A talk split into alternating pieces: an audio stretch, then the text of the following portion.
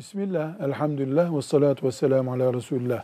Deniyor ki Kur'an-ı Kerim'deki ayetler sanki hep erkeklere hitap ediyormuş gibi. Böyle bir ağırlık var mı? Hayır. Kur'an-ı Kerim'de erkeklere hitap eden ayetler var. Sadece kadınlara hitap eden ayetler var. Bütün erkeğe ve kadına topluca hitap eden ayetler var. Yani Kur'an-ı Kerim'i bir erkek ağırlıklı hitap ayetleriyle dolu şeklinde anlayamayız. Bu nereden kaynaklanıyor? Kur'an-ı Kerim'in hitabındaki Arap edebiyatının ağırlığından kaynaklanıyor. Bu Arap ifadesinden kaynaklanıyor.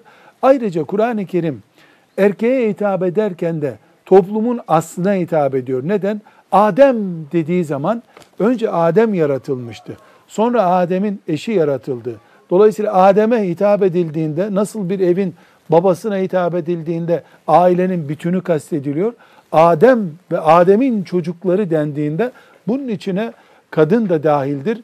Adem'in bütün çocuklarına hitap etmektedir. Kur'an-ı Kerim erkek ağırlıktır ifadesi onlarca kadına hitap eden ayeti nereye koymamızı gerektirecek bir soru sordurur o zaman. İnsanların topluna ifade ediyor. Adem'in çocukları diye ağırlıklı ifadeler kullanılıyor. Velhamdülillahi Rabbil Alemin.